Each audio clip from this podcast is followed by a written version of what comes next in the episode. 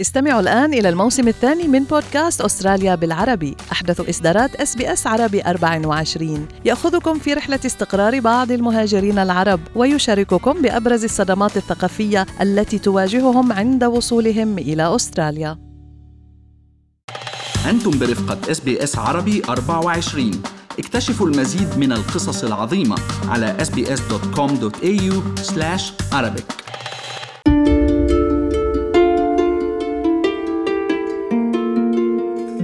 بس كنت شي عمري 13 أو 14 سنة. كرهت كل شيء اللي كان عرب أو إسلامي ما كنت آه بدي أحكي عربي مع عائلتي علنا بالببليك ما كان بدي اتسمع الموسيقى العربي. بس كان بدي كون أجنبي. بس كان بدي كون مثل كل حدا بأستراليا كل حدا اللي كان أبيض. محمد عواد. كره اسمه ليس لمعناه ولا لنسبه إنما لما تعرض له من أذى ومضايقات بسبب هذا الاسم واسمه الذي كان عنوان هويته كان أيضا السبب لتوقيفه في المطار المتكرر في وقت كان شبح الإرهاب يهيمن فيه على العالم مما أدى لتأزم صحته النفسية. أنا ما بحب الشرطة. إذا شفت الشرطة بكون عندي انكزايتي وما بحس بالأمان. معكم مرام إسماعيل من بودكاست الهوية. I started getting really depressed from trying to fit the image of what people wanted me to be like I just I wanted to like like dissociate with everything related to my culture. ونتيجة لكل التجارب التي تعرض لها محمد دخل في أزمة اكتئاب وكان لديه رغبة بالانتحار وعانى العديد من المشكلات النفسية وأصبحت كتابة الشعر وسيلته للتنفيس عن الصدمات النفسية والتعبير عن ألم وضعه تحت المجهر I felt like no one wanted me. I felt like outside of my immediate family, outside of the home, no one wanted me around. And I think that's part of why I became depressed, and large part of it. There were other things involved, but I think my mixed identity was one of the biggest issues for me. وبدأ الاكتئاب النفسي يسيطر على محمد شيئا فشيء في مرحلة المراهقة عندما كان يبلغ من العمر ثلاثة أو أربعة عشر عاماً ويقول إن جزءا كبيرا من اكتئابه كان متعلقا بالشعور بالعزلة والعنصرية وتأثير الإسلاموفوبيا على مجريات حياته. كان محمد يرغب في الانفصال عن كل ما يتعلق بثقافته العربية وجميع الألقاب التي أطلقت على كل من ينتمي إليها أو لجزء منها. I, I didn't want to speak to my dad in Arabic in public. I didn't want to make a big deal about uh, trying to find a place to eat. You know, even as a Muslim, if you want to eat somewhere, and like my friends are all going out to eat, and they're gonna eat somewhere, and it's like, oh, let's go to this restaurant. Okay, let's go. Not halal. Okay, I'll have the veggie burger, I guess. Or I'll like, it's there's there's an, even an isolation in terms of food and what we can eat and what I didn't realize why I was becoming depressed. There were other factors personally that were happening as well, but this was one of the ones that were isolating me from reaching out. ويقول محمد إن الشباب العربي الأسترالي وضع تحت المجهر من قبل وسائل الإعلام، الشرطة، أمن المطارات، المدرسون وحتى الإنترنت.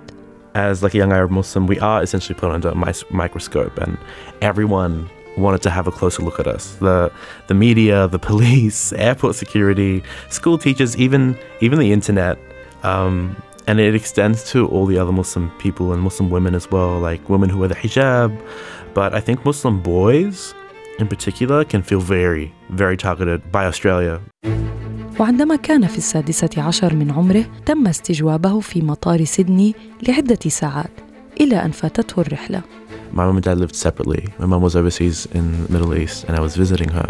It was it was one of the scariest like experiences of my life and it was one of the most eye-opening. Basically my dad dropped me off at the airport he wasn't a very loving dad. He just like, okay, bye, hug at the at the terminal and like left. And I get through. I'm enjoying my little Macca's hash browns, and these two security guard officers walk up to me, very intense, and just like, "Are you Mohammad Awad?" And I was like, "Yes." And they're like, "We're gonna ask you a few questions." And I'm like pulled out from the food court in in the airport and they just they take me into all these weird corridors and all these weird like rooms and they put me in one room at some point and i get interrogated by the airport security by some squad there's some i don't remember the name of them they had some weird name some other kind of enforcement Yep. agency. Yep. And then by federal police, they kept asking me if I was going to go off and like join ISIS or if I was if I was an extremist Muslim. And I think I actually dealt with it really well at the time. Like I was making a lot of jokes. I was trying to prove to them that like I wasn't an extremist Muslim, but I didn't I shouldn't have had to do that. I shouldn't have had to be it was like there was an there's like an assumed guilt I wasn't assumed innocent. I was assumed guilty. And they were immediately the whole time just trying to prove that I was guilty. And I'm sitting there just being like, I'm innocent. I'm just a guy visiting. My parents live separately. That I felt like I had to convince every single little enforcement agency one by one because they each interrogated me separately. And I had to prove to every single one of them I wasn't a terrorist. And they, one of them tried to like scare me. It was just like, you know, we saw you the second you uh, arrived. We saw all the footage. Some man dropped you off at the terminal and then he let you go. And you went to the bathroom there and then you went to the food court and then we grabbed you. They're like, who is that man? I'm like, it's my dad. They were like, oh, we're going to uh, take your phones and your computer and we're going to go through all your stuff. Are we going to find any extremist Islamic content on there? I was like, no, but I think I like pirated a Game of Thrones episode. It might still be there. Um, sorry. So they took my stuff away. They went into a separate room. I remember they, they went into the other room. They took my phone, and it's like 5:30 in the morning, and I hear from, the room where I'm in, I hear Allahu Akbar. I hear the Fajr adhan go off, and they like I hear this like kerfuffle, and they run to me, and they're like, "What is this? We thought you were a moderate Muslim," and I was like, "This is the adhan. I have to pray now." And they're like, "Oh, you pray?" I said, "Yes," and like, "I thought you said you were a moderate Muslim." I said, why can't I be a moderate Muslim and still be able to pray? تجارب محمد مع الشرطة وأمن المطارات أثرت عليه منذ سن صغير لدرجة أنه يفقد تركيزه على القيادة عندما يكونون حوله. I work um, in the forensic hospital now for New South Wales Health, and that's connected to Long Bay Prison. There's a there's a correctional center, and there's a hospital for the peop people who are mentally unwell. They're not guilty by mental illness. And during the training days, when we were there just to do some of the training stuff, there's a there's a little cafe, and it's in it's in the Long Bay Correctional. Uh, and I went in with a bunch of the people I was doing training with, and I walk into the room, and because it's where the prison is, there's all these correctional officers that are there, and they're dressed in blue, like a like a police officer. They're dressed in blue, and they wear the very similar kind of uniform. And I walk in, and there's like like 45 police officers in that room, and I just sort of or correctional officers, and I walk in. I remember I froze. I was there for 20 seconds. I had frozen, and people around me were like, "Are you okay?" I said, "I can't be in this room right now," and I couldn't move either. I was just in. I wasn't emotionally ready to see that many police enforcers there. And I, and here's the thing, I didn't do anything wrong. I hadn't done anything wrong. I've never committed a crime. I don't have a criminal record. I there was nothing there. I was like guilty of being Arab and Muslim in that room. Even being in that room, I that was so much of a stressful experience. I was like, I don't know if I can work in this place. Uh, driving any car I any police car I see gives me like I I I feel myself like in the beginnings of an anxiety attack or a panic attack. My most my best experience ever with a cop was when he looked at my license. He's like, he did the little uh, the breathalyzer test, and he's like, okay, you're good, you can go. And b- just having that experience of like no incident was my best experience. My best experience is that nothing happened, nothing good or nothing bad, and it was like, and that was like a, like a month ago, and I was just like, maybe they're not all terrible, maybe they don't all hate me. وفي نفس السياق يقول محمد أن الصبية الأستراليين من المسلمين يشعرون بأنهم مستهدفون بشكل خاص من خلال برامج الحكومة الأسترالية لمكافحة التطرف مثل برنامج سي في إي if you want to deal with the issues that the Muslim community has, because we have issues, all the communities have issues, I think in place of a CVE, what I want is some kind of mental health service dedicated to the Muslim community or Arab communities or, or the minorities that exist in Australia. Instead of trying to create a system that where it scares the Muslim community and paints us as the problem immediately, why can't we put that funding to something that is providing mental health support that's providing peer supports and groups and and programs to help kids manage their feelings and manage their experiences and their trauma and their mental illness? Because so many times when there is a terrorist let's say uh, that, that they have on the news, when they have a any kind of kid who's committed some sort of big, intense crime, anytime they have anything like that, there's always something else underlying it. There's always a background, a trauma, a history, a mental illness, a something underlying that. A mental illness does not equate violence. Does not do that. 100% not the case. But I think when you're combining that with a lot of other factors, with someone who is unwell, who's feeling disenfranchised, who has trauma, who is looking for some sense of community, s- like you're going to push our boys, you're going to push these kids away from from like the Australian society that, as we have it now. You're going to push these kids away from a safety net. وشهدت حالته النفسية أسوأ تدهور لها عندما كان يبلغ السادسة عشر من عمره The suicidal thoughts came from a place of you as a person are a problem. You as a person don't don't mesh well with this society. You as a person, you're not worthy. You don't deserve love. You don't deserve peace. You don't deserve the ability to walk down a street. You like you don't deserve that. You don't deserve to walk down the street and not be harassed.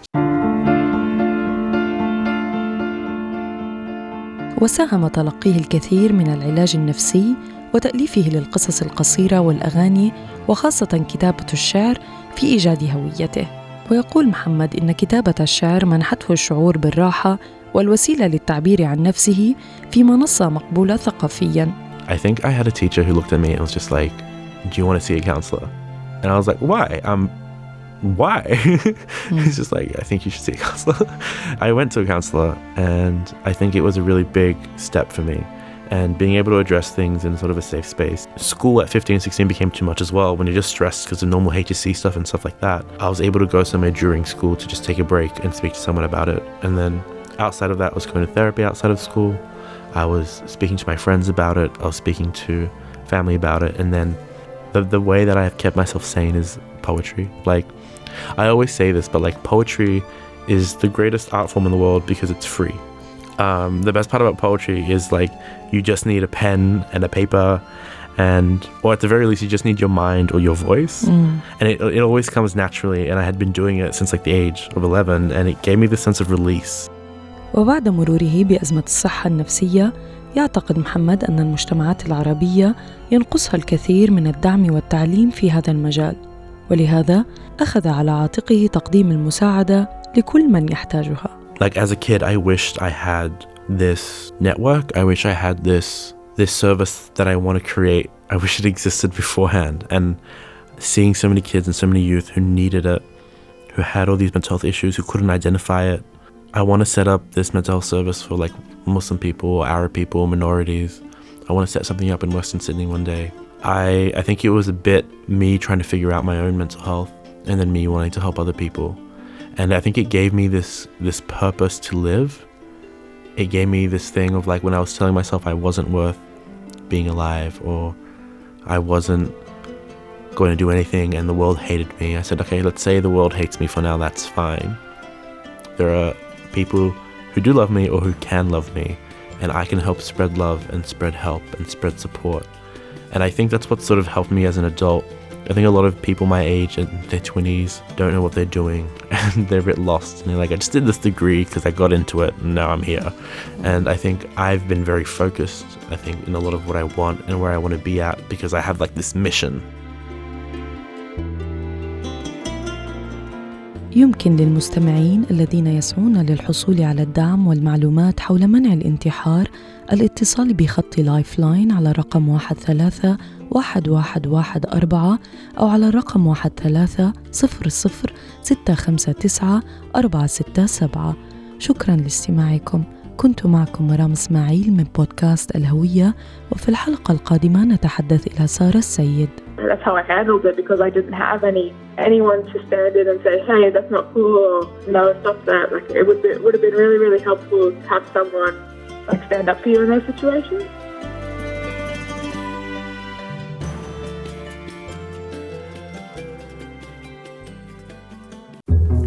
مع إس بي إس عربي 24 احصلوا على مزيد من القصص الرائعة باللغة العربية على موقعنا sbs.com.au forward slash Arabic.